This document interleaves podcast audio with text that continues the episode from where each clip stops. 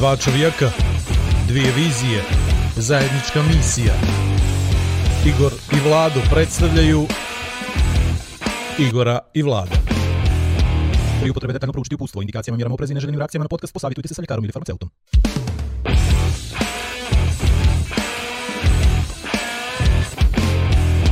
A da vi rečem...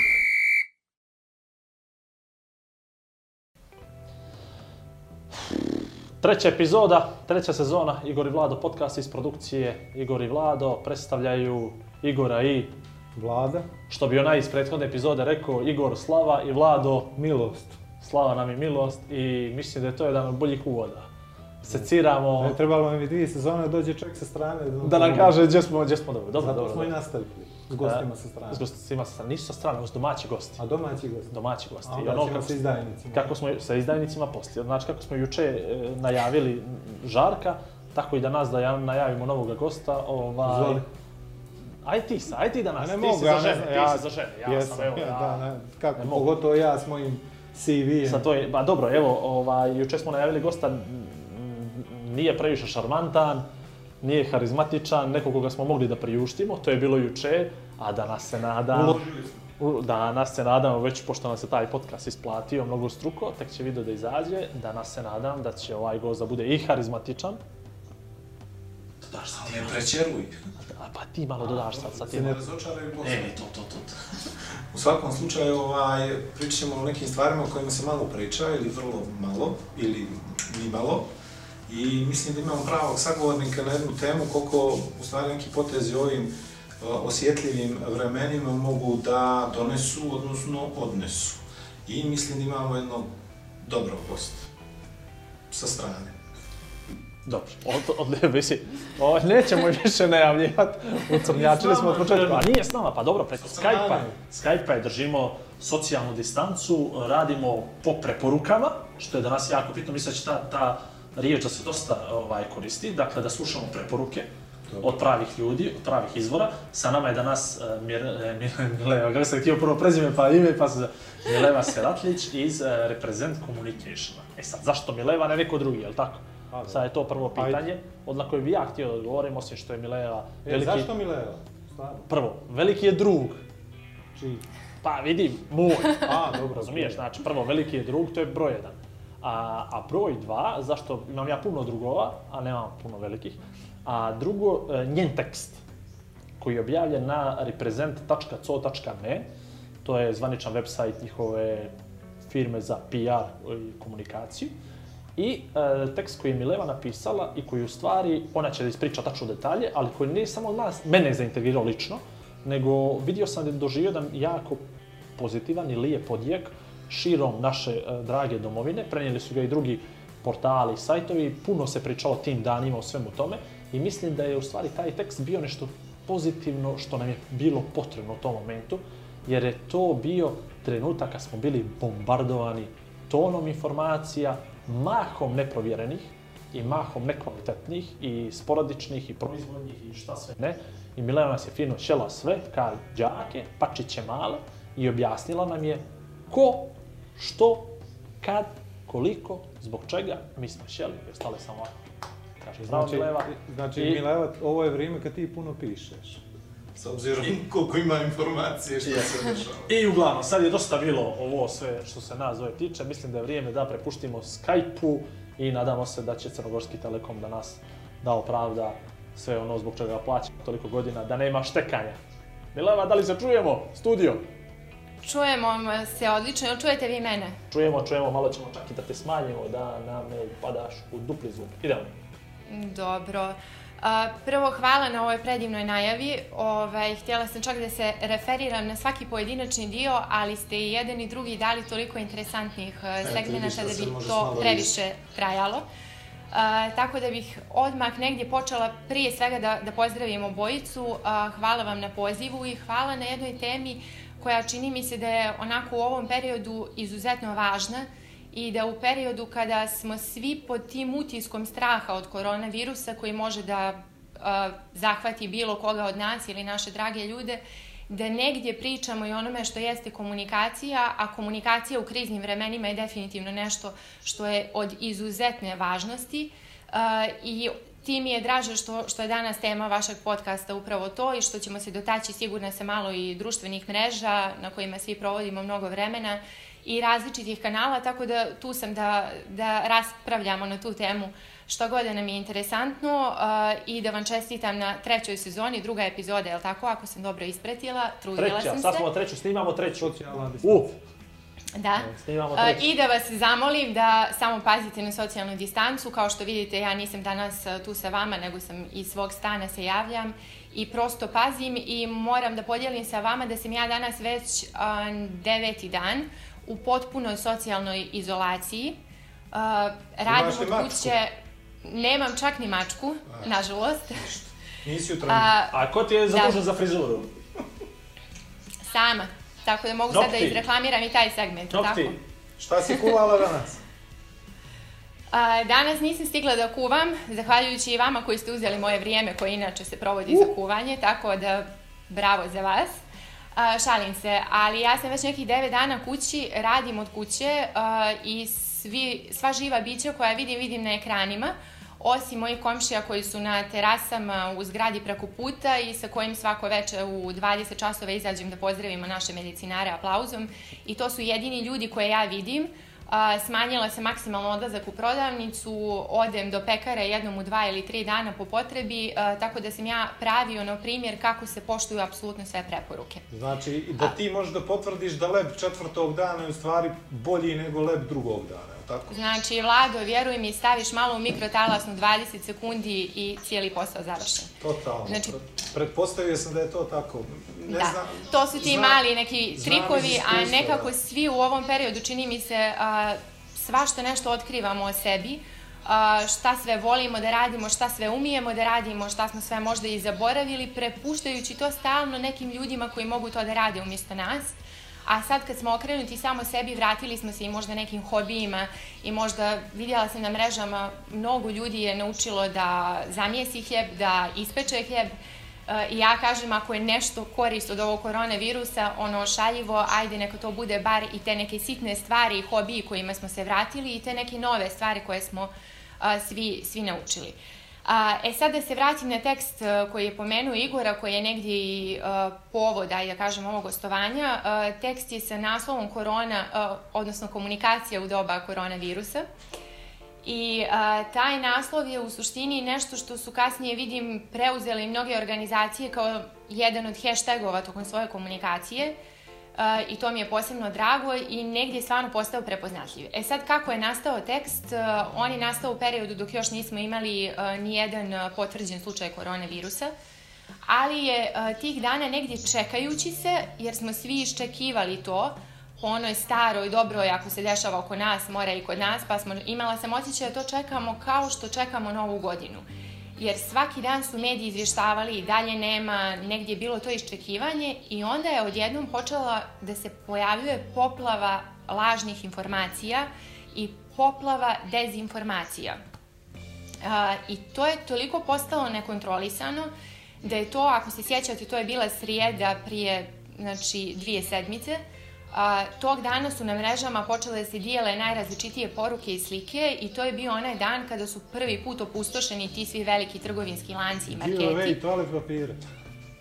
Ili tako, da ga i tako nazovemo. I ja sam tog dana negdje stajala, posmatrala kompletan taj haos, uh, nisam znala šta da radim, da budem iskrena, uh, nisam znala da li i sama treba da, da krenem u tu kupovinu, uh, da li treba samo da sjedim kući, onako, prosto sam bila potpuno zbunjena, uh, more informacija je pristizalo, uh, dizala se vidna panika i onda sam prosto krenula da čitam te poruke i vidjela sam da ljudi apsolutno nisu dobro informisani i da ljudi a, barataju i donose životne odluke na bazi određenih poluinformacija ili čak uz odstupstvo uopšte pravih informacija.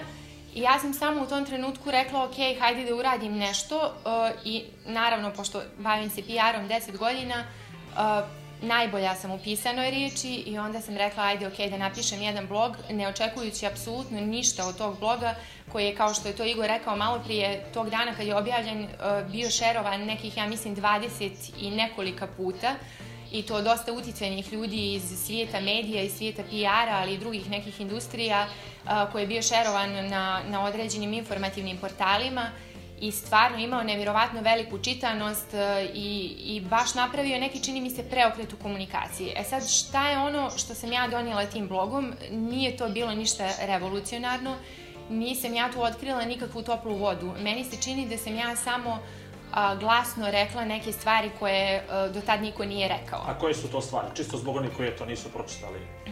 Naravno, a, to su stvari, a, skrenula sam pažnju na a, to kako je naš zdravstveni sistem komunicirao koronavirus do tog momenta.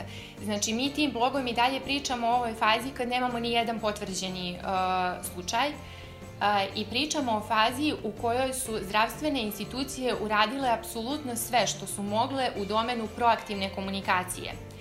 A šta je proaktivna komunikacija? Dakle, ona komunikacija kad ne čekate da se nešto desi pa da vi to potvrdite ili demantujete ili objasnite, nego kad vi idete u susret nečemu i vi kontinuirano informišete vaše ciljne grupe, u ovom slučaju to apsolutno cijela javnost, odnosno svi građani, informišete ih o tom nečemu što nam dolazi.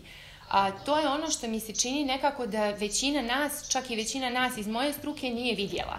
A šta oni nisu vidjeli? Oni nisu vidjeli uh, i, i možda većina, ajde, nas da kažem u množini, a, da je recimo Institut za javno zdravlje, koji sam ja zaista izdvojila kao primjer zdravstvene institucije koja je imala najbolju komunikaciju, naravno tu su i Ministarstvo zdravlja i vlade Crne Gore, ali prosto institut je neko koje, i to i obični građani vide, ajde kažem, ponio teret te komunikacije. A, Institut za javno zdravlje je do trenutka pisanja tog bloga a, u 40 dana dao oko 400 izjava za medije. A znate li šta znači davati, znači to prosječno uh, izračunati koliko su dnevno morali da, da daju izjava? Znate li šta znači taj broj izjava uh, za ljude koji rade u institutu, a koji su u isto vrijeme uh, ili epidemiolozi ili rade na nekoj drugoj poziciji, znači koji imaju svoj posao, svoj dnevni posao koji je mnogo važan i koji sve to preuzimaju obavezu komunikacije sa medijima a, to je jedno ogromno vrijeme koje mimo onih njihovih uobičajenih radnih sati gdje se oni bave javnim zdravljem, oni moraju da odvoje za onaj dio, ajde da kažemo, mentalnog zdravlja nacije, odnosno za objašnjenje, za informisanje, da bi svaki građanin znao šta je to koronavirus i šta nas čeka. I dakle, tih 400 izjava u 40 dana a, su bile izjave koje su sve bile proaktivne. To je sve bila priprema naša na ono što nas čeka. Dakle, to je ono što je bilo ključno. Ja sam onda počela da istražujem kako, kako je izgledala komunikacija zdravstvenih sistema u zemljama regiona. I onda sam vidjela da je u zemljama regiona gotovo da nije ni postojala, a u svakom slučaju se ne može porediti sa onim što je ovdje kod nas uradio Institut za javno zdravlje. I to je bio razlog da zaista njih izdvojim, da ih pohvalim i da kažem da se na pravi način komuniciralo i u toj fazi, i da samo negdje zaista uh, objasnim koliko je bilo potrebno i koliko je bilo važno, jer kad je došao koronavirus, ne zaboravite, većina nas smo znali i šta je taj virus i kako se prenosi i koji su načini da se zaštitimo, a, koji su najbolji načini da se zaštitimo. Znači, osnovne neke stvari o tom virusu smo svi znali kad je došao kod nas. Znali smo dobrim dijelom zato što je Institut za javno zdravlje svoj posao počeo odgovorno da radi već u januaru kada su se prvi brojniji slučajevi počeli pojavljivati u, u provinciji Wuhanu u Kini. Uh, I to je bilo nešto što je bilo veoma važno za saopštiti. Ta proaktivnost da nije nešto što moramo da uzimamo i možemo zdravo za gotovo, nego da zaista oni zaslužuju da se to prepozna i da najmanje što možemo da uradimo za njih u ovom trenutku jeste da ispoštujemo njihove preporuke. To je bio ključni apel mog prvog bloga, kažem prvog jer je nakon toga bio još jedan, ali ključni apel je bio ako oni mogu sve to da urade za nas, hajde mi da uradimo nešto i za njih, a minimum koji možemo da uradimo jeste da ispoštujemo te preporuke koje se tiču ne samo higijene u smislu redovnog pranja ruku i ostalih preporuka, već prosto i one preporuke koje su se ticale i socijalne distance i izbjegavanja velikih okupljanja, i a, negdje ukupno ostanka kući. U toj fazi a, još nisu bile te poruke da baš svi moramo u potpunosti da ostanemo kući, ali jeste se to naziralo negdje u komunikaciji i to je bilo ono ključno što sam ja htjela tim a, prvim blogom da, da poručim i da negdje stvarno apelujem na razum kod svakog od nas, da ne padam u tu takozvanu kolektivnu histeriju koja se dogodila a, dan ili dva ranije sa, sa, kako ste vi rekli, toalet papirom ili nabavkom ili šta li već. Bolje ste vi to rekli, ali ubacit ćete. Uh, uglavnom da ne padamo u tu kolektivnu histeriju, nego da zaista uh, otvorimo i oči i uši i da čujemo te poruke i da u skladu sa tim porukama negdje svi djelujemo. I uh, to je bio moj mali doprinos za sve te zdravstvene radnike koje su svi, svih tih dana tokom januara i februara i samog početka marta uh, zaista radili jedan ogromni i lavovski posao na informisanju javnosti, a koji mi se čini nekako da po toj prvoj reakciji naše javnosti u tom trenutku mi apsolutno nismo ni prepoznali, ni vrednovali. I onda nekako dolazimo do te druge faze u komunikaciji, odnosno faze kad se identifikovao prvi slučaj. I to je sad već ovamo potpuno drugi dio priče, ali to bih prije ostavila da radimo kroz neku formu pitanja ili dijaloga, da, da ne budem ja samo do... E, baš ti hvala, baš ti hvala. Inače, inače nas dvoje gostujemo, gostujemo u Mileva podcast. Rekla si da si najjača u pisanoj riječi, jeli? Alal, kako A, pišeš kad ovako pričaš. Znači, ne, hvala ti, Hvala ti baš puno ti što hvala, si tu nas malo u goste u tvoj Tu- podcast. tu smo. Mnogo nas. A, ovako, Molim i drugi put, nije ovako što, je problem. meni, što je meni fascinantno u, u, u svemu ovome. Dakle, e, ti si rekla, odnosno ti si napisala u tom blog postu činjenice.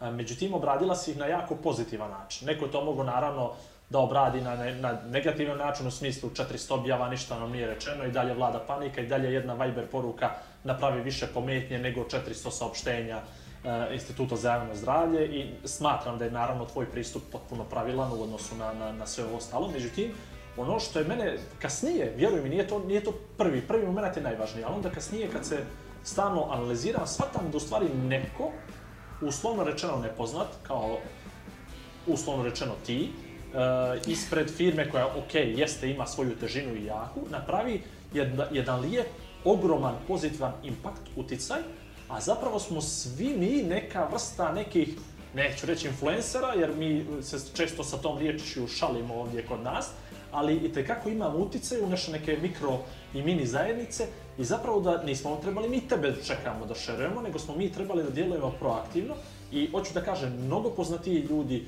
i od tebe, i od mene, i od vlada, i od svih nas su trebali da preuzmu na sebe taj štit, taj negativni ulitet, da izađu ispred svih i počnu da pričaju pozitivnim stvarima. Jer koliko sam ja u svemu onome, prvo sam doživio da je nama u stvari onog dana, onih dana trebalo nam je nešto pozitivno. Znači potrebno je bilo, potrebna je bila pozitivna vijest i htjeli smo i vapili smo za tako nečim i onda nije ni čudo što je toliko ljudi šerovalo, pogotovo kažem uticanih ljudi, a znamo i koji su bili portali, neki koji su integralno prenosili ovaj uh, tekst. Naravno, na ljestvici uspješnosti ti si sa neke ovdje tačke došla odmah ovdje kod mnogih ljudi, pa i, i kod mene. On naravno Vladu Samorodošero, da mu kažem, on je malo asocijalan lik, on nema tako, ali dobro, to ćemo nas dvojica da, da riješimo. Dakle, što sam ja htio da kažem, kogod sam bio srećan zbog tebe, toliko sam na drugu stranu posle nekoliko dana bio nesrećan jer nije, nisu drugi ljudi preuzeli funkciju spuštanja lopte i ajmo malo pozitivno sve ovo da gledamo. I onda sam negdje ja, mislim da i s Vladom, pošto puno vremena dijelimo sad u posljednje vrijeme, nažalost zajedno, ovaj, online, uh, shvatio sam da i on to želi i mi to nekako drugačije radimo, kroz, neku, kroz neki humor, bilo da je crni, bilo da je bijeli, bilo da je ne, ukazivanje na neke, ali djelujemo na neki način pozitivno, neću reći da izvrglavamo u ruglu neke stvari, nije, nije lijepo, ne radimo baš to, ali mislim da bi svi generalno morali da se pozabavimo ovim problemom, a to je da ne dozvolimo da nas screenshot, Viber, poruke uh, koji se krene lančano prenositi, izbači iz, iz, iz centra ravnoteže. To mislim da totalno nije dobro i mislim da u stvari je mnogo više, da se ponovim, poznatih, uticanih ljudi trebalo da stane na tvoju stranu, odnosno da uradi ono što si ti uradila, da ne kažem na našu, jer ne vide svi to naravno jednako, i da je ono bila bukvalno prava stvar u pravo vrijeme, da ne kaže što bi Vlado rekao, dobila si penal, šutnula si ga fino u praznu stranu i tri pojena za reprezent i za tebe. Volio je postaviti pitanje sad posle ovoga monologa bez me. Ne, ovo je bilo samo da, eto, da vratim domaćinstvo podcasta na nas dvicu, eto. Mogu li ja da repliciram samo na to? Da, ne, ovo je bilo Ovaj, samo, eto, moj komentar na sve to, eto, kako sam ja to Šalim doživio. se.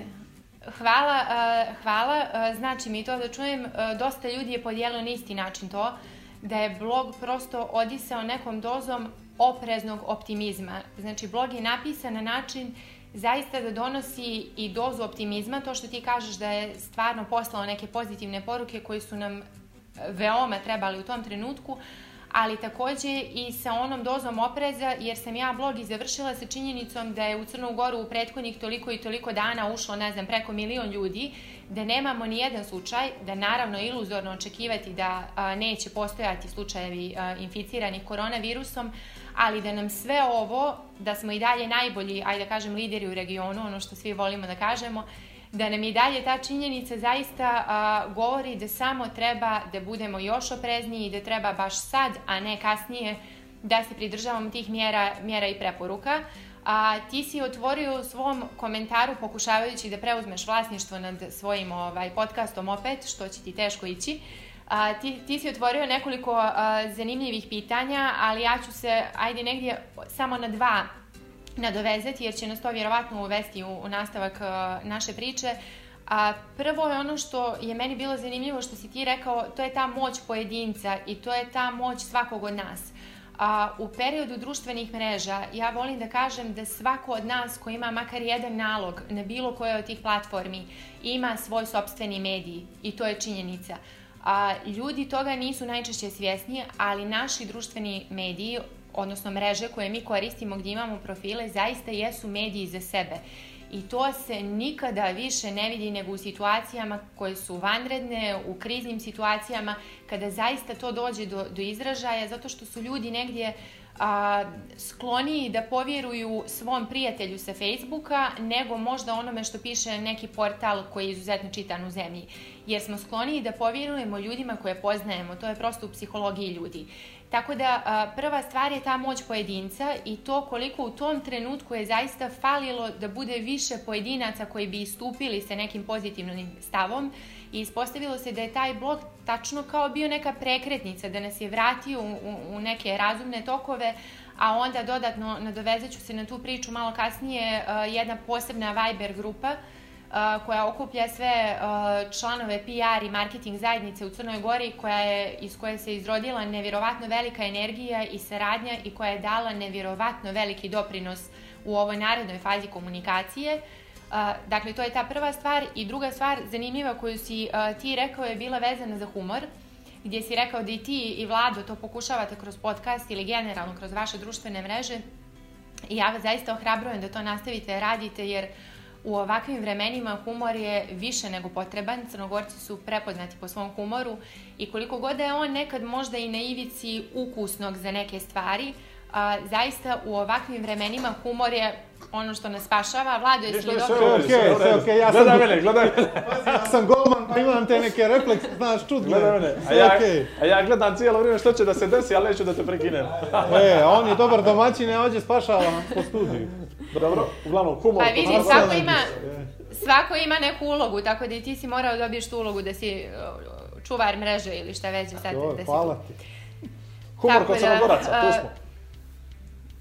I to je to, znači humor nam je u ovom periodu izuzetno potreban i više nego dobrodošao, uh, ali i ta moć pojedinca i onda sve to kad se uveže i kad imate društvene mreže, a dešava, vam- dešava vam se koronavirus, e onda uh, komunikatori imaju pune ruke posla. Uh, koliko je, pomenula si nešto što meni jako interesantno, a to je oprezni optimizam.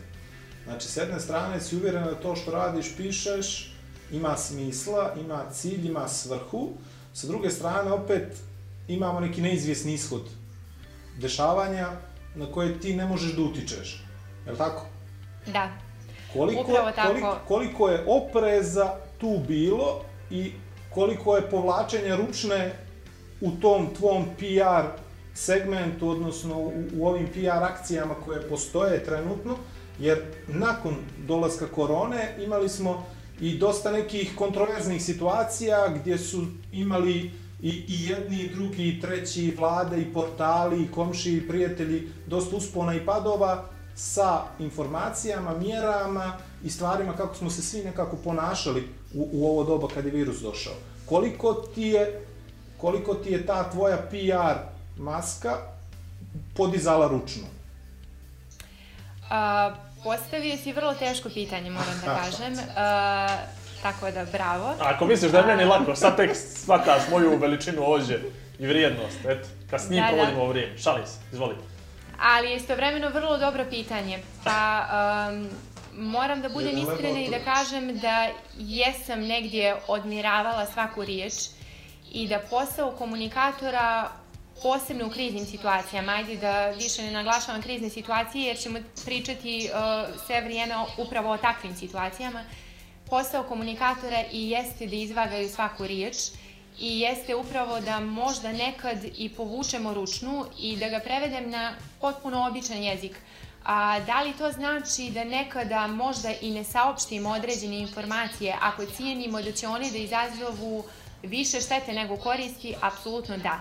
A, negdje prvi postulat PR-a koji u Crnoj Gori možemo sada da diskutujemo o tome kakvu e, percepciju ima i kakvu sliku ima, ali prvi postulat PR-a jeste da se uvijek govori istina.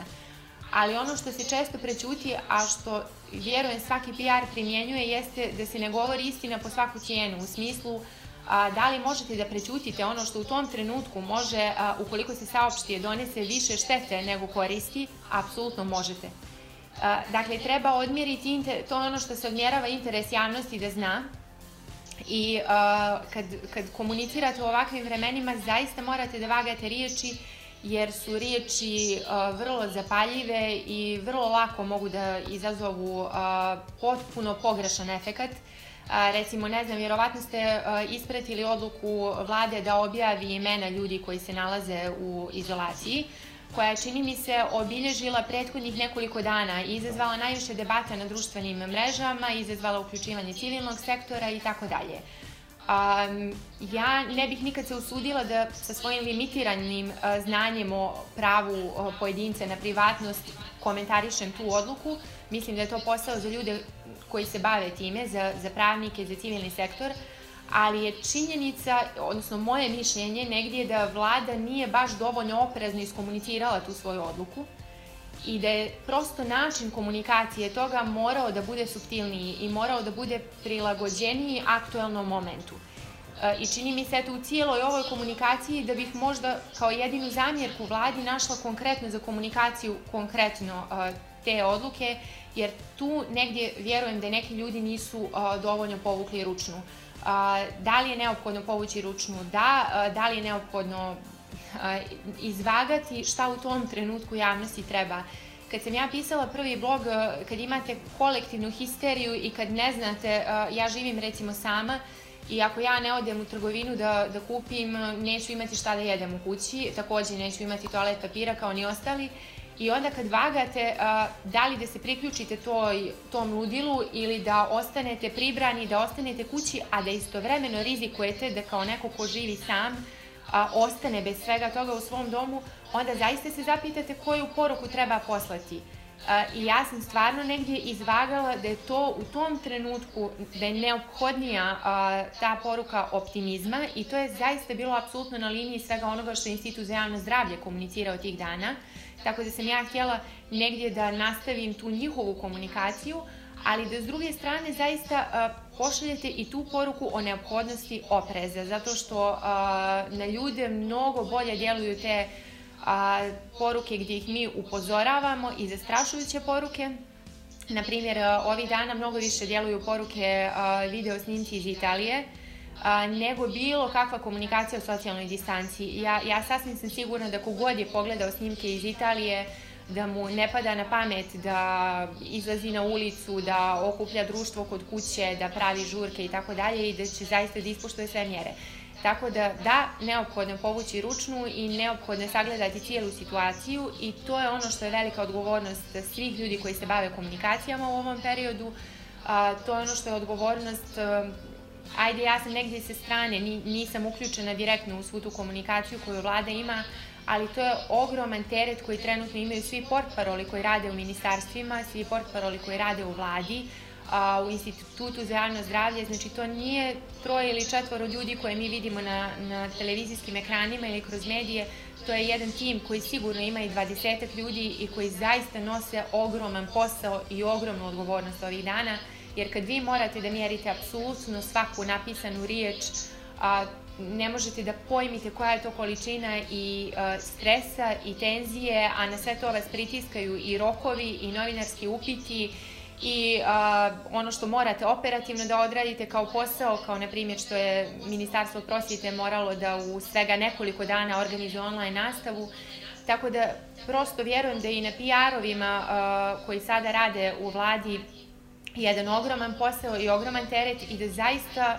ono kad svaku noć izađemo u 8 da aplaudiramo za medicinare, treba da aplaudiramo i za medicinare, i za PR-ove, i za iste novinare koji nas informišu svih ovih dana, i koji su takođe na prvoj liniji, ali isto tako i za sve šalterske radnike i za sve one koji nama zapravo pomažu ovih dana da mi u našim domovima možemo da uživamo, da smo na socijalnoj distanci, da odmaramo i da nam sve drugo normalno oko nas funkcioniše. Mislim, koliko je normalno, ali koliko god da funkcioniše. Tako da, da mislim da tom aplauzu 8 treba da pridružimo sve ove profesije, mnoge sam sigurno zaboravila, ali prosto to su ljudi koji su naši heroji uh, svih ovih dana.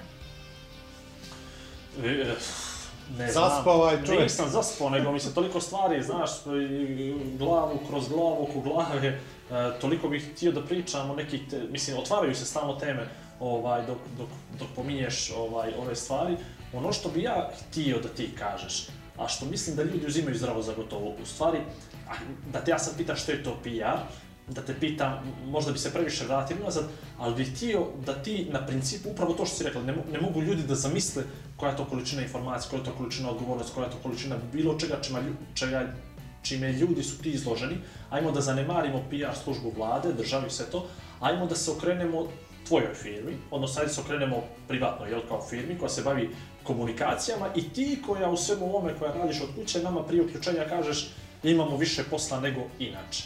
I eto, da ne se ne pravim prepametan, nisam te razumio, što to znači imamo posla više nego inače. Baš bih volio da znam kakav je to posao, odnosno što su zahtjevi u ovim kriznim vremenima, odnosno što to firma neka tamo sama ne može da odradi, nego mora eto da angažuje agenciju i zašto je sad vama teže nego inače. Kad opet idete kući, imate malo uh, opušteniju atmosferu, radnu, vidio sam prelijepu fotku vas, šestoro, sedmoro, osmoro, svako svoje kućice, slobodice, radite i ajde, evo, meni prvo objasni, a onda se, dok meni objašnjavaš, mislim da će širi auditorijum da shvati u stvari što vi to radite, Milena.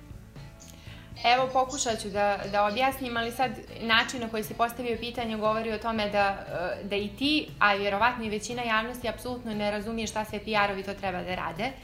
Tako da ajde pokušam negdje na najplastičnijem primjeru da objasnim kako to izgleda ovih dana. A, kreće od onoga da za sve naše kompanije koji su na klijenti, A sve ovo što radimo mi, da odmah kažem, copy-pastuje se i država radi, vjerovatno, većina PR-ova i u državi i u svim drugim institucijama ovih dana. Dakle, vi prvo kao PR-ovi morate da pratite apsolutno sve objave u medijima na, na ovu temu, a, da ih čitate, a, da selektujete one koje su važne a, i da ih imate negdje, ajde kažem, uskladištene za klijente. A pored toga što morate da pratite medije, morate da, što je jedan ogroman posao, složit ćemo se, jer ne mislim samo tipa da čitamo dva portala. Mi moramo da čitamo sve portale, da čitamo novine i da gledamo televizijske emisije. Ne samo dnevnike, nego i one vanredne emisije. Tako da ako kažem da samo to radite, valjda vam je negdje jasno da to uzima jedan dobar dio vremena i dana svakome od nas. A onda, pored toga, da bismo bili dobro informisani, mi svi ovih dana moramo da pratimo i društvene mreže jer smo svjedoci da se većina kriza i komunikacija i situacija upravo dešava na društvenim mrežama. Tako da vi sada imate i taj kanal koji morate da pratite i da o tome informišete klijente. A onda a, kriza zahtjeva određene promjene u uobičajenom načinu komunikacije svake kompanije. A, primjera radi, ako ste vi kompanija koja se bavi, ajde kažem, proizvodnjom stolova, I ako ste imali određenu zacrtanu komunikaciju za prvi kvartal, sasvim sigurno je da nećete nastaviti da je komunicirate na isti način. Zašto? Zato što publika u ovom trenutku ne čuje vaše poruke. Kompletno je vašoj ciljnoj populaciji mozak zaokupljen potpuno drugim stvarima. Trenutno je to korona. Tako da vi nemate plodno tlo uopšte kod publike da plasirate vaše poruke i u tom smislu vi morate kao firma da promijenite vašu komunikaciju i da je prilagodite aktualnom trenutku. A, to je ono što sad rade kompanije i koje imaju i koje nemaju PR agencije, znači one koje rade uh, sobstveno i one koje rade uz eksternu podršku apsolutno mora komunikacija da se prilagodi trenutku. A, to nije ni malo lako, jer postoje neke kampanje koje su zacrtane, postoje projekti koji su zacrtani, u redu projekti se odgađaju, ali neke kampanje, posebno one koje su brand kampanje, visibility kampanje, a, one prosto moraju da idu, ali se prilagođavaju. Uh, da li se brand stavlja recimo u funkciju promocije same kampanje, pa sve više kompanija će odlučiti da svoje društvene mreže iskoristi za plasiranje poruka uh, Ostani doma kampanje, što je jedan od načina. Neke kompanije će da odluče da uh, u skladu sa svojom komunikacijom inkorporiraju ove poruke, pa da ostanu vjerni sebi, ali da opet imaju ove poruke. A, to je jedan ogroman posao a, na kome mora radi više timova i oni koji se bave kreativnim dijelom i oni koji se bave a, našim dijelom PR segmentom, a sve to morate da uradite u nevjerovatno kratkim rokovima jer vam svaki dan znači. Vi ne možete dozvoliti sebi da neku kampanju sad spremate po mjesec dana. Prosto sve mora da ide mnogo brže i zato je posao toliko veliki. A, to je prvi dio. Drugi dio je da negdje prepoznamo i koje su to kompanije koje su društveno odgovorne i koje treba da se uključe i da doniraju za, za nacionalno koordinacijono tijelo A, tako da smo i u tom segmentu odradili a, veliki posao prethodnih dana i a, juče smo negdje računali a, mi unutar reprezenta a, da samo od naših klijenata čini mi se do sad nekih 150.000 eura a, donacija je prikupljeno što je jedna, složit ćete se, lijepa cifra, to je skoro 10% ukupno prikupljenih donacija, samo znači od klijenata koji rade sa, sa agencijom Reprezent. I to je zaista nešto na što smo svi ponosni, odnosno na svaku inicijativu koju pošaljemo klijentu i kažemo uključite se, treba da donirate zato što je sad to velika potreba našeg zdravstvenog sistema i uh, svaki put kad neki klijent prihvati da donira, mi to svi vidimo kao naše male pobjede i kao naše male doprinose cijeloj ovoj situaciji, zato što prosto tako uh, po, povlačimo sve više sredstava i dajemo, uh, dajemo šansu da se kupi više tih respiratora. Čini mi se negdje na početku ove priče da su iz zdravstva rekli da ih imaju 70-ak. Uh, ja sam juče računala da sa ovim prikupljenim novcem oko uh, 2 miliona, ako ne griješim, se prikupilo do sada donacija. Danas je bilo novih, tako da je sigurno veći iznos. Ali ja sam računala da možda još 70 respiratora bi moglo da se kupi. Znate li vi koliki je to uticaj kad znate da umjesto 70 osoba koji bi bili na respiratoru, recimo ovdje u Podgorici, da sad to može, ima za to priliku 140 i da ste vi negdje svi kroz komunikaciju tome doprinijeli. Tako da sad ne uzmite me zdravo za gotovo za ove cifre, okvirne su, ali znam da su se kretali u tom iznosu, a nekako znam da javnost najbolje kroz, kroz cifre to razumije. Tako da je to dio, dio našeg uh, doprinosa. Uh, na sve to naravno imate i upite medija koje uvijek zanima šta kompanije sada rade. Mi sarađujemo i sa trgovinskim lancima koji su posebno negdje na, ajde kažem, udaru u smislu obima posla i u smislu toga što su oni bukvalno preko noći morali da upodobe svoje trgovinske markete za, za rad. Tako da, vjerujte, kad ste u PR-u sa ove strane, a, posla ima koliko želite, jer samo da klijente držite informisanim, a, da ih uključite tamo gdje treba i da im komunikaciju sad preokrenete u potpunosti u skladu sa, sa aktualnom situacijom i da procijenite na kraju, eto, ali ne i najmanje važno što se kaže, do koje mjere je ukusno iskomunicirati određene teme, do koje mjere je u redu ispromovisati određenu kampanju, brand ili proizvod sada, i gdje se može to negdje kositi sa onim što se može nazvati samo reklamiranje ili uh, korišćenje situacije u sobstvene svrhe.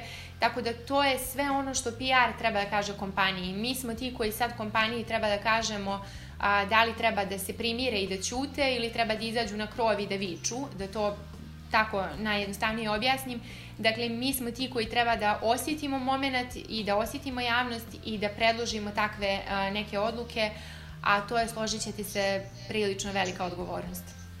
Pa, e, sad ću još jednom Vlado, pošto mi imamo penal za mene, pa ćeš ti poslije. Ovaj, na što meni je fascinantno svemu ovome, u stvari, dok ti pričaš to, ja samo razmišljam, odnosno vraću mi se neke slike u glavi i sad bi to da pomene, to ima jedno godinu i pol dana od, od toga. E, koliko meni sad u stvari sa ova njena priča, koliko u stvari oni žive taj život svojih klijenata, koliko moraju u stvari da žive taj život, jel da se razumiju iz svih mogućih uglova.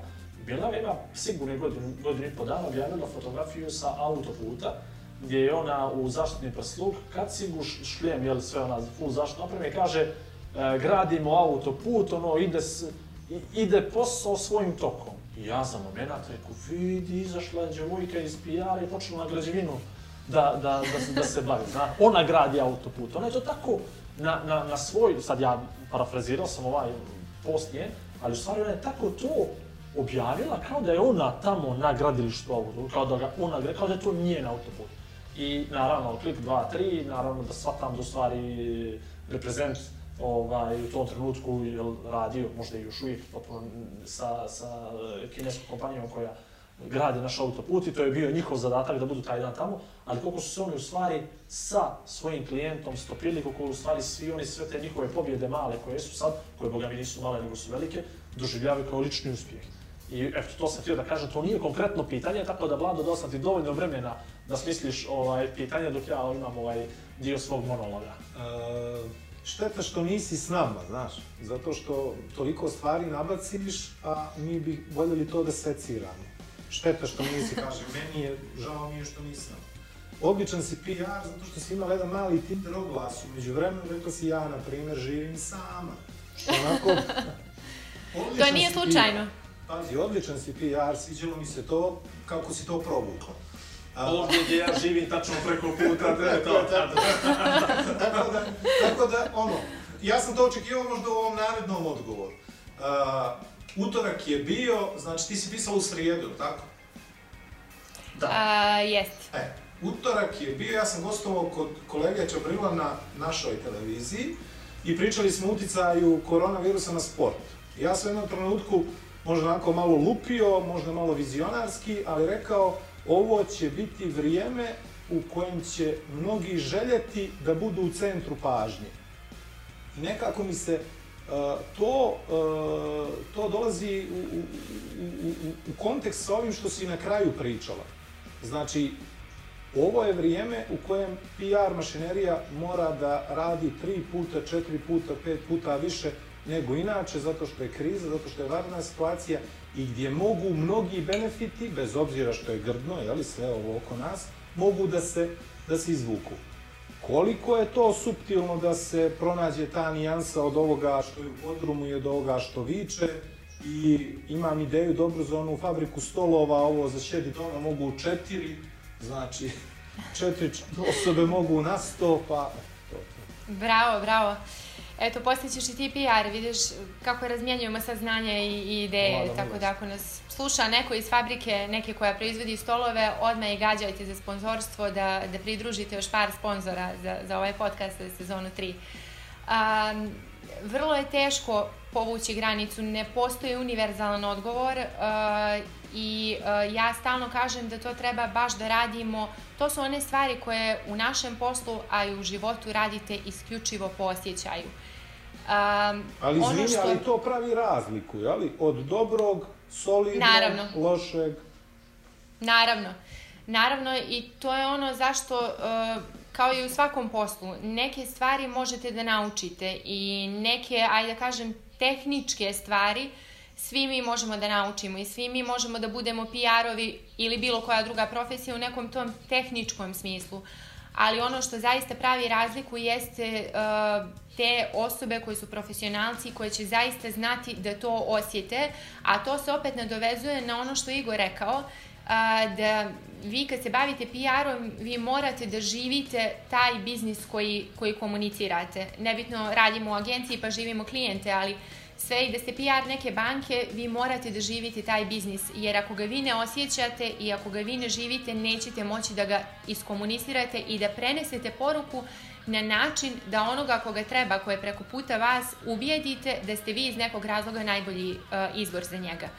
A, tako da na kraju a, se određene stvari, a možda i one koje najčešće u komunikaciji dođu, dovedu do tih pobjeda, zaista zasnivaju na tom nekom osjećaju, unutrašnjem i neunutrašnjem glasu uh, i gdje svi mi moramo dobro da porazmislimo, da uzmemo cijeli kontekst uh, uh, u obzir i da onda na kraju poslušamo to što unutrašnji glas kaže. Uh, meni kad god negdje, kad imam osjećaj da je nešto pretjerano, kad uh, znam da može da izazove više negativnih nego pozitivnih komentara, ja ću uvijek sugerisati da se sa tim ne ide, da se taj projekat obustavi, da se ta komunikacija obustavi. A naravno, postoje određene stvari za koje znate da će izazvati određene negativne komentare, ali da će oni prosto biti od onih ljudi koji vole negdje po pravilu sve da komentarišu negativno, svi znamo da, da postoje i onda samo kažete, ok, progutaću taj dio negativnih komentara zato što znam da je priča koju ja trenutno komuniciram mnogo bolja i da ima više koristi. Eto, prosto e, to, to su te neke razlike. Ono što me interesuje je tajming.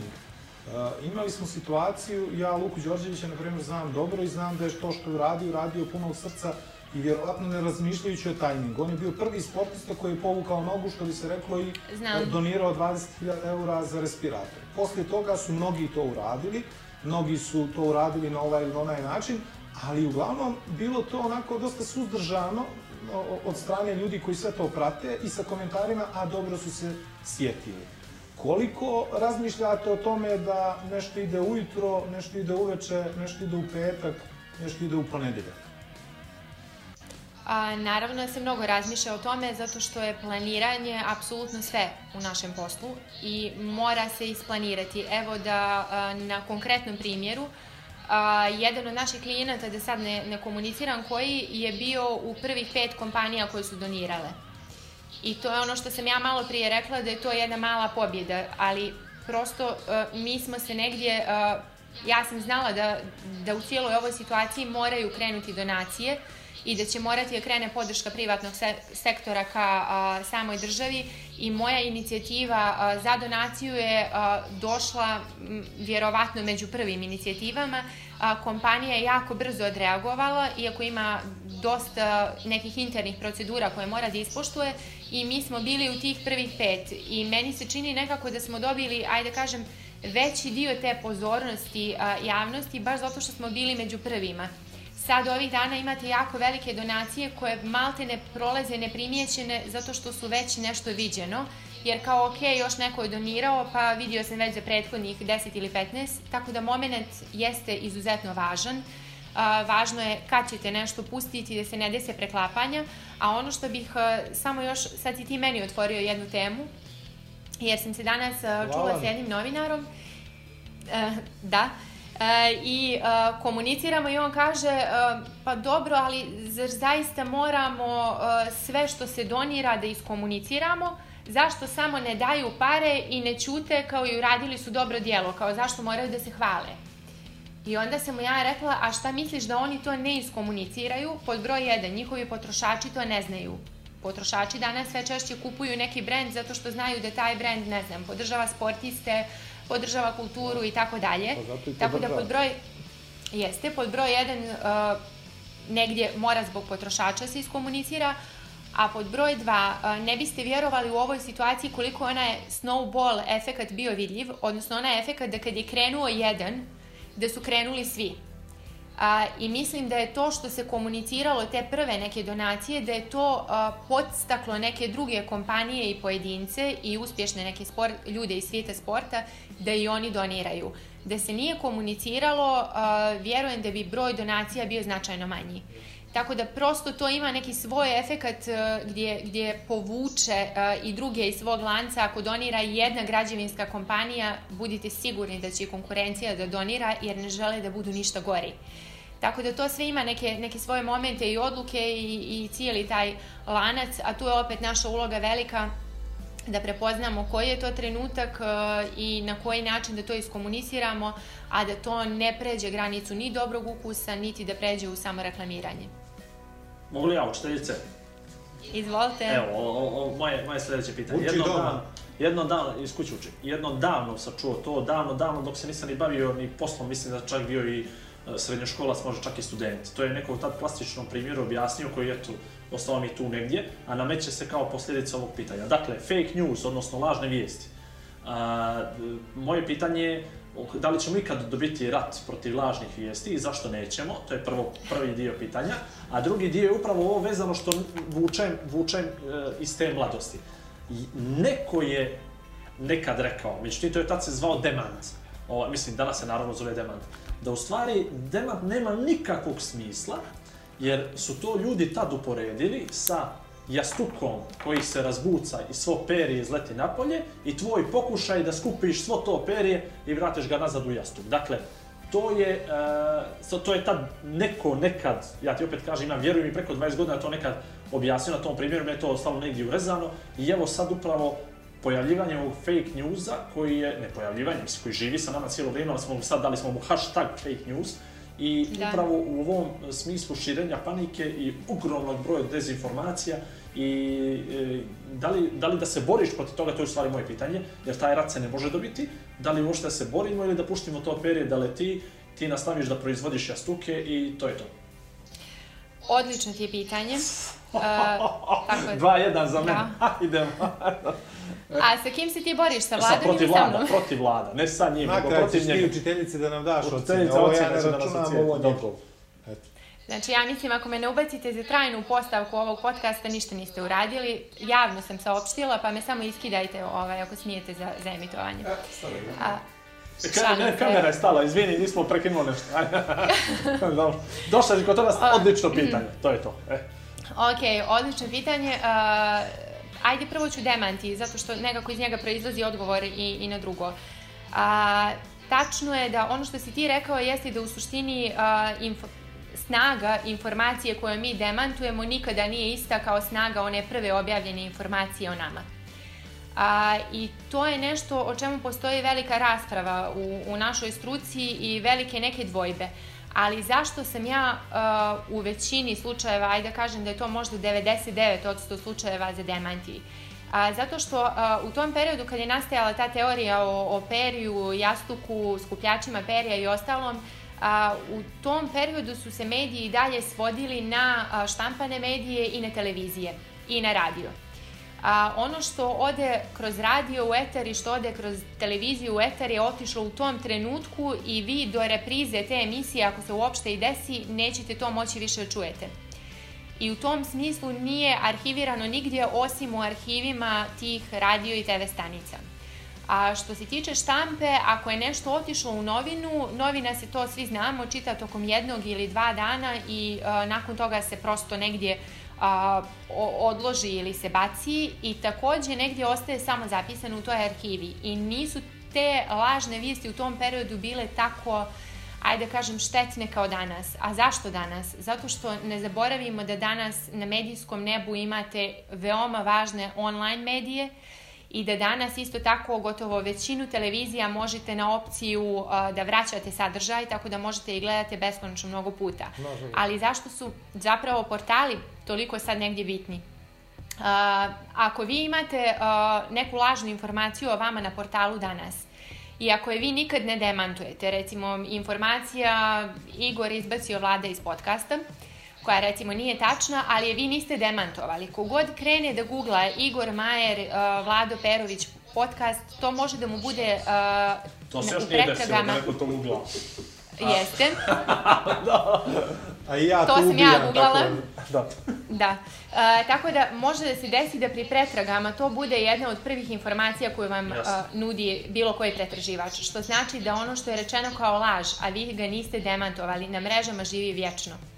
I to je problematično jer onda kad neko pravi neko istraživanje, traži neke podatke o vama, on može potpuno legitimno da nađe taj podatak koji je lažni, koji vi niste nikad demantovali i to ima nepopravljivu dugoročnu štetu po vaš imidž. Tako da u periodu uh, društvenih mreža i portala uh, apsolutno treba demantovati informacije, apsolutno treba tražiti ispravku informacije, znači unutar objavljenog teksta, razlika između ispravke i demantija, ali treba raditi i jedno i drugo zato što danas laž na mrežama može da živi uh, nevjerovatno dugo i to je ono što apsolutno nikome a, ne ide u prilog. A, da li se možemo izboriti sa lažnim vijestima?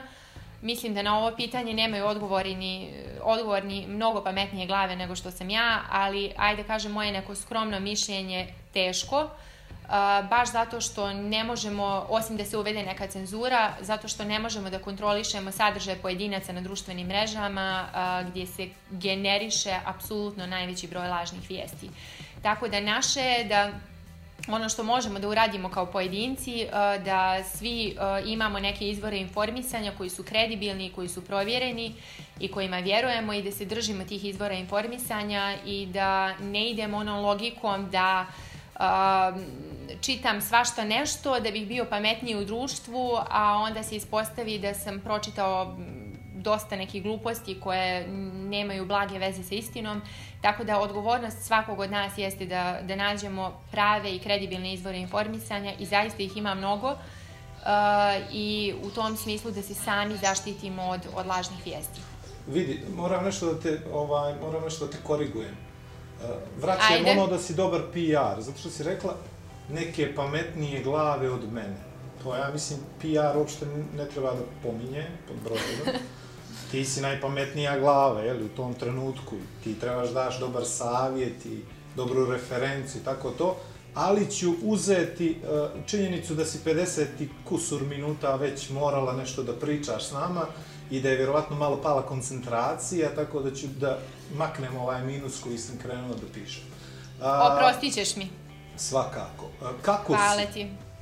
Kako si ti s obzirom da pričaš tome da po čitav dan radiš, da si u samoizolaciji, da je već deveti dan, da imaš toliko informacija koje preturiš preko glave, da moraš da procesuiraš, da sprovedeš u dijelo projekte i tako to. Kako si? Jesi dobro? Treba li ti što? Treba li nešto se trkne do prodavnice i tako dalje? E, kad smo već kod prodavnice, to bi dobro došlo, da budem potpuno iskrena, tako da ako ste voljni, ovaj, poslaću vam posle podcasta spisak. Uh, ok, Igora, Vladu, ok, vidim Igoru, se. Slava, Vladu, Milost. Vladu, Milost. Da. Uh, dobro, ja sam dobro, uh, ja sam u toj svojevoljnoj samoizolaciji, da se razumijemo, nisam bolesna, nemam simptome, nisam putovala nigdje. Nemate na spisku? Prosto, Gledao sam, nemam gledao na spisku. sam Vjerujem. I ja sam tražila vas, tako da nema ni vas. A, ali uh, ja samo smatram da sam ja odgovoran pojedinac i da je to nešto potpuno normalno. Uh, tako da ja sam dobro, uh, pokušavam sebi da organizujem dan i to je ono što je možda ajde i savjet za, za sve one koji slušaju ovaj podcast, koji možda ne znaju šta da rade od svog dana. Uh, ja tokom radnih dana apsolutno radim svoj posao i mene kad neko pozove u jedan popodne i pita šta radiš, ja kažem na poslu sam. Nema veze što sam uh, u, u svom domu, ja sam prosto na poslu i radim. Uh, znači, taj dio rutine se apsolutno nije promijenio i radim čak ovih dana, vjerovali ili ne, svaki dan bar po sat ili dva duže nego, nego uobičajeno. A, trudim se, pošto sam neko ko a, već nekoliko godina ide redovno na treninge, trudim se da kod kuće odradim dio treninga koji mogu i za koje mi ne trebaju a, neke posebne sprave.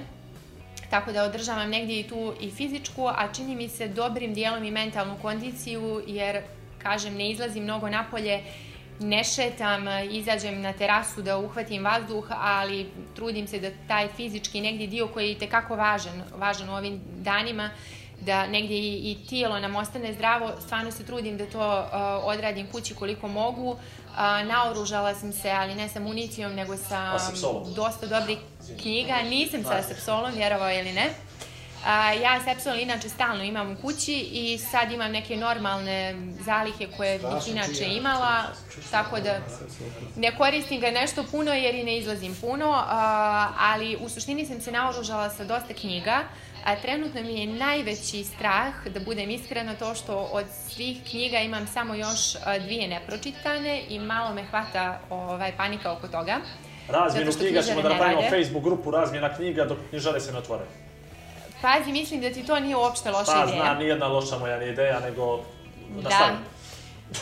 A, tako da, pored knjiga, a, filmovi, a, serije, a, čujem se sa važnim ljudima i još jedna važna stvar, a, svela sam na minimum provjeravanje poruka u različitim Viber grupama, a, gdje naravno se priča o koroni. A, svela sam na minimum, osim za potrebe posla, provjeravanje svih mogućih objava, objava na tu temu prosto negdje važno je da dok radimo, radimo, a da nakon toga možemo da se isključimo, čisto da bismo održali tu neku mentalnu higijenu, da je tako nazovem. Uh, jer nije lako biti sam danima recimo i uh, samo raditi i onda tu negdje mora se napravi taj neki balans i meni se čini da ga ja za sad dosta dobro pravim. Sad ne znam da li vam djelujem kao, kao neko ko ne izgleda ili se ne osjeća dobro, ali ste džentlmeni pa vjerujem da nećete komentarisati taj dio.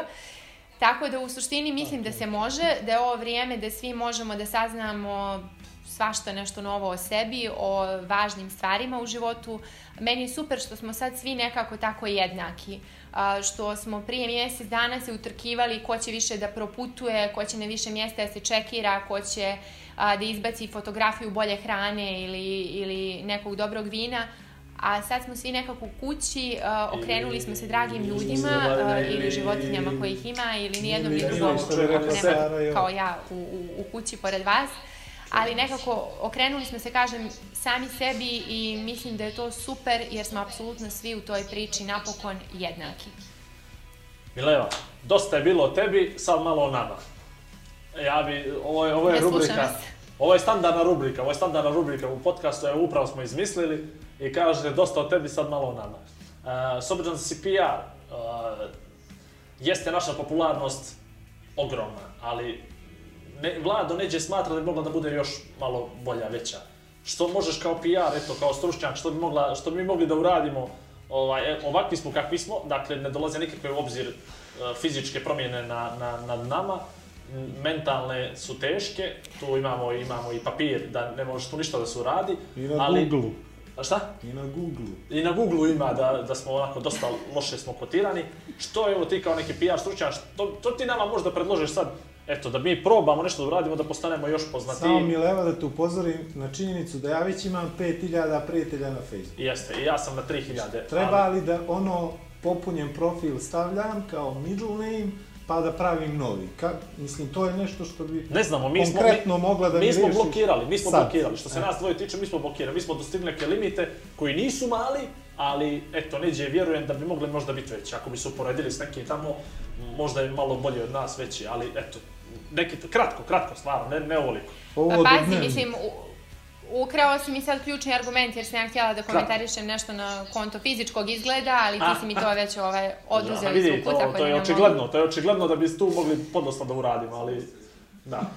A, šalim se, ja stvarno mislim da, da su vaši podcasti super i da a, na vrlo jedan duhovit način prikažete neke aktualne teme i ono što sve nas negdje žulja ili, ili nas dotiče na nekom svakodnevnom nivou.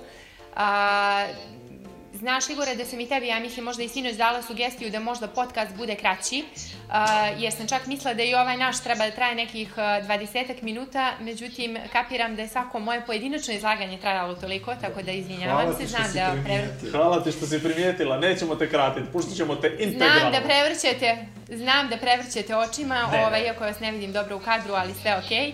A, oprošteno. A, tako da, mislila sam da kratite, ali e, podcast je tako da ko voli stvarno će poslušati do kraja i, i kome je zanimljiva neka vaša tema, a, možete da radite malo više na promociji, e, ima tu dosta nekih e, kanala, nekih, hajde da kažem, PR caka koje se, koje se mogu uraditi, ali ne bi sad možda opterećivala vas koliku javnost, nego možda vas dvojicu onako odvojeno od toga, pa da onda vidimo da li su sve te rekla, ove, mjere koje još predložimo. Eto, Poslaću vidiš ti kako mi spisak lijepo zajedno sa ovim. Ovaj, spajamo. Dobro, ovaj, Eto. ne znam, Vlado, ostavljam tebi, eto, pa ja ću da se zahvalim naravno, ali eto ti još ako imaš nešto, Ništa, budi dobra, ako treba stvarno nešto iz prodavnice, tu smo, ovaj, hvala što si malo, ne znam, nekako ovom narodu e, donijela tu neku širu sliku o, o, ne samo tvom poslu, nego o, o načinima kako određene kompanije mogu da djeluju, odnosno kako trebaju da prepoznaju tu vrlo bitnu funkciju. Ono što je meni ostalo, ovaj, što smo ostali kratki negdje, gdje smo gdje si ti jako dobro skrenula pažnju na sve što je radio institut, vlada i tako dalje.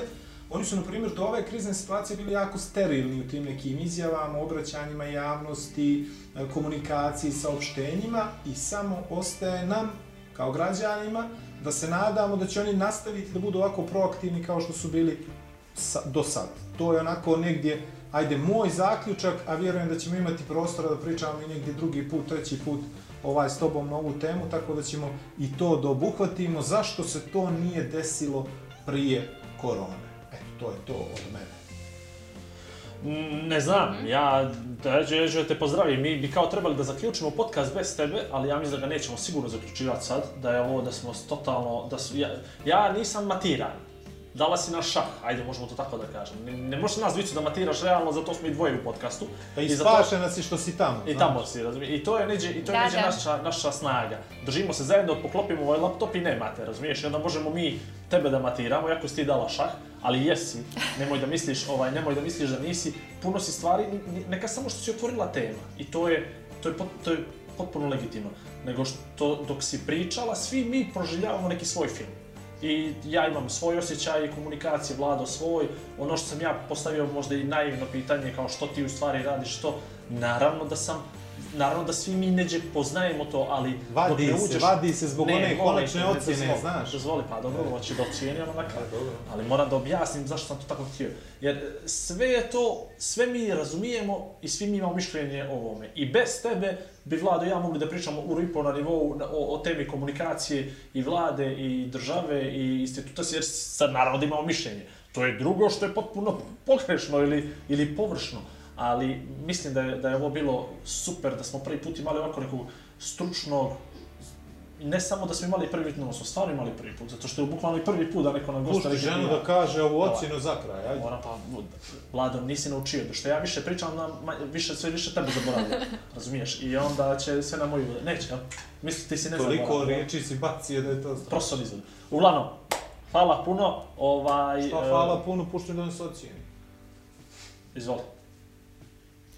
A, nisam čula da treba da vas ocijenim. Trebaš, preklapatelji naravno da trebaš. Evo, po cijenu poraza ocijeni. A, ja bih umjesto ocjene a, samo, a, ja bih Ga- samo nešto Opisno, drugo. opisnu Ga- ocjenu, opisnu, kao osnovnu školu. Naročito se ističe, ističe. E, A, vi se naročito ističete obojica, ali a, ja bih samo iskoristila taj kraj da kažem svima koji slušaju a, da ostanu kod kuće, ostanite doma, da provedete ovo vrijeme na najbolji mogući način i da zaista svi damo doprinos da što prije izađemo iz koronavirusa i da mene Igor i Vlado mogu da ugoste live u svom podcastu sledeći put, jer bi to onda bio izazov i to bi onda bilo super za neko drugačije ocjenjivanje.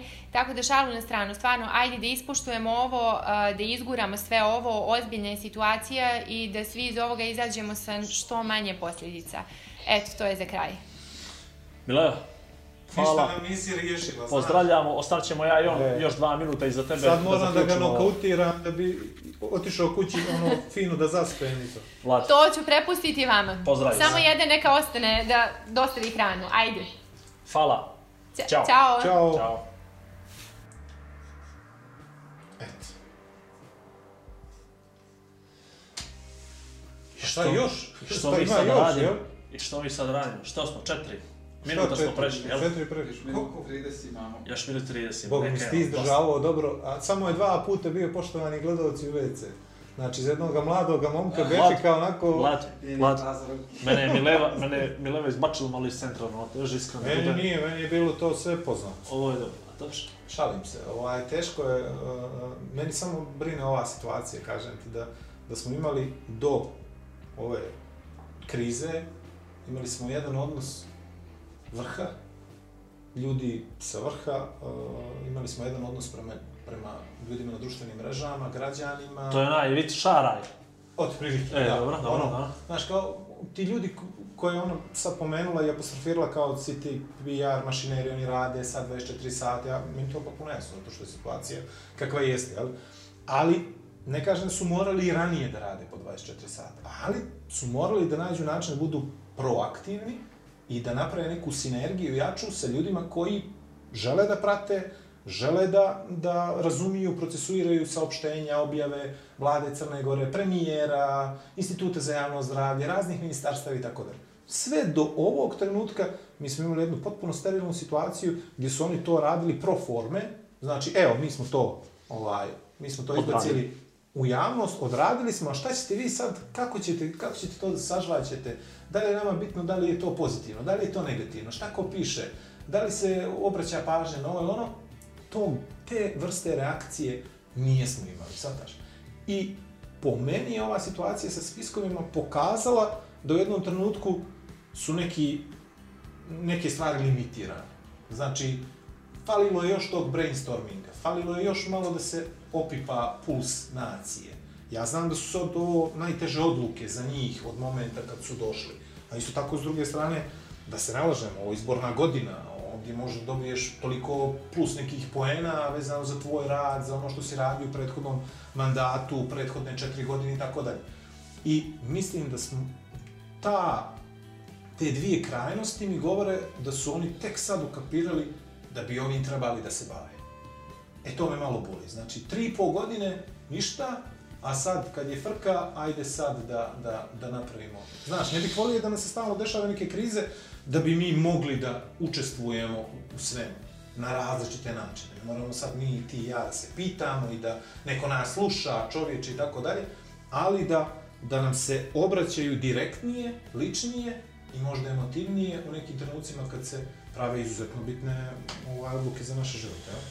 Dobro. S tim u vezi, ovo dobro rekao? Jesi, brate, ja to ne bi stvarno što dirao. Sezona 3, epizoda 3. Igor Kon, Vlado. konjec, što bi rekli na one crtane filmove, stare, ruske. E, da pozdravimo opa sponzore, čovječe. Uuu, giveaway, giveaway. Giveaway da pomenemo. Bravo, i to, sam htio da je pitam. Jel ovaj giveaway najbolja stvar u vasioni koju smo smislili? Mislim da nije, ali nema veze. A, zaksim smo jedno 5-6 godina. Dakle, Influencer. četiri, pet stvari. Prvo, sponsor, jedan. A domaćina ćemo za kraj. Aj redom, što prije. Ajde. Upadaše. Lo- Lamija kaza, stolovi stolice. Dobro. Kimbo kafa, espresso kafa, ka, kapsule za kafu, ovo to i giveaway. I to su oni su giveaway, ali da... vidim. Giveaway, give, I giveaway. kukuri, ali vidi, giveaway. ovaj kukuriku, svaki put kaže kukuriku, svaki put ću da kaže kukuriku sit. Pa dobro, E, ali nije. kukuriku šeto. Evo ti je vamo ti je klepio Mark 2, ti je zavisica udarila. Jel? Nije, snimio. Evo ga. A, to me zavisi. Dobro. Znači, Ono kukuriku, lijepo nam je ođe. kukuriku je, studio kukuriku je e, ona špica koja je fenomenalna, znači samo da onih hashtagova Da se se isprave. E, montaža, audio video produkcija, Domaćin kafa, lokum, Jeste. ratluk, Popola smo ušli, popola smo s opremom ušli, Asepsol, sve, sve. sve ima, Španija, sve. Tako da ona, Ovaj, i super je ovdje. kad se ugugla, odnosno kad se upiše na Facebooku, Kukuriku. Q, Q odmah iskače. jer Teško da, da, da imate Dva Q, dvije ali Q, Q, dva. Q, Q, Q, ri, firme. pa Q. To je to. To je te da. peše slova, peše slova, To je to je to, je PR. e. Uglavnom, uh, nakraj samo da osvrnemo se, imamo, imamo uh, giveaway. Giveaway nam je na Instagram, dobili smo neki 400-500 followera. Uh, nadam se da će to da prebači makar ljadu. Valjalo bi nam ljadu ljudi na, na Instagram, valjalo bi nam. I mogli bi još jutra ponovo da krenemo s ovim live-ovima na Instagram. Mogu ti reći ova dva dana, ja stvarno nisam imao energije, sinoć opet da pričam s tobom. Poslije onoga potka, inače ja stvarno nemam energije ponovo da pričam. govore, znaš. Nema energije. Is- Iscrpiš Vlado, Vlado sa predigrom, sa svim, sa finalom, dva, dva i po sata i spadao smo ja ti zajedno već. Kako si to lijepo rekao, sa predigrom, sa finalom, Vladu iscrpiš. Ja sam potpuno zadovoljan kako je ovo prošlo. Eto, i s tim u vezi, uh, sezona 3, epizoda 3, Završeno. Aj zdrav. aj zdravo. Dva čovjeka, dvije vizije, zajednička misija. Igor i Vlado predstavljaju Igora i Vlada. Pri upotrebi detaljno proučiti upustvo, indikacijama, mjerama oprezi i neželjenim reakcijama na podcast posavitujte se sa ljekarom ili farmaceutom.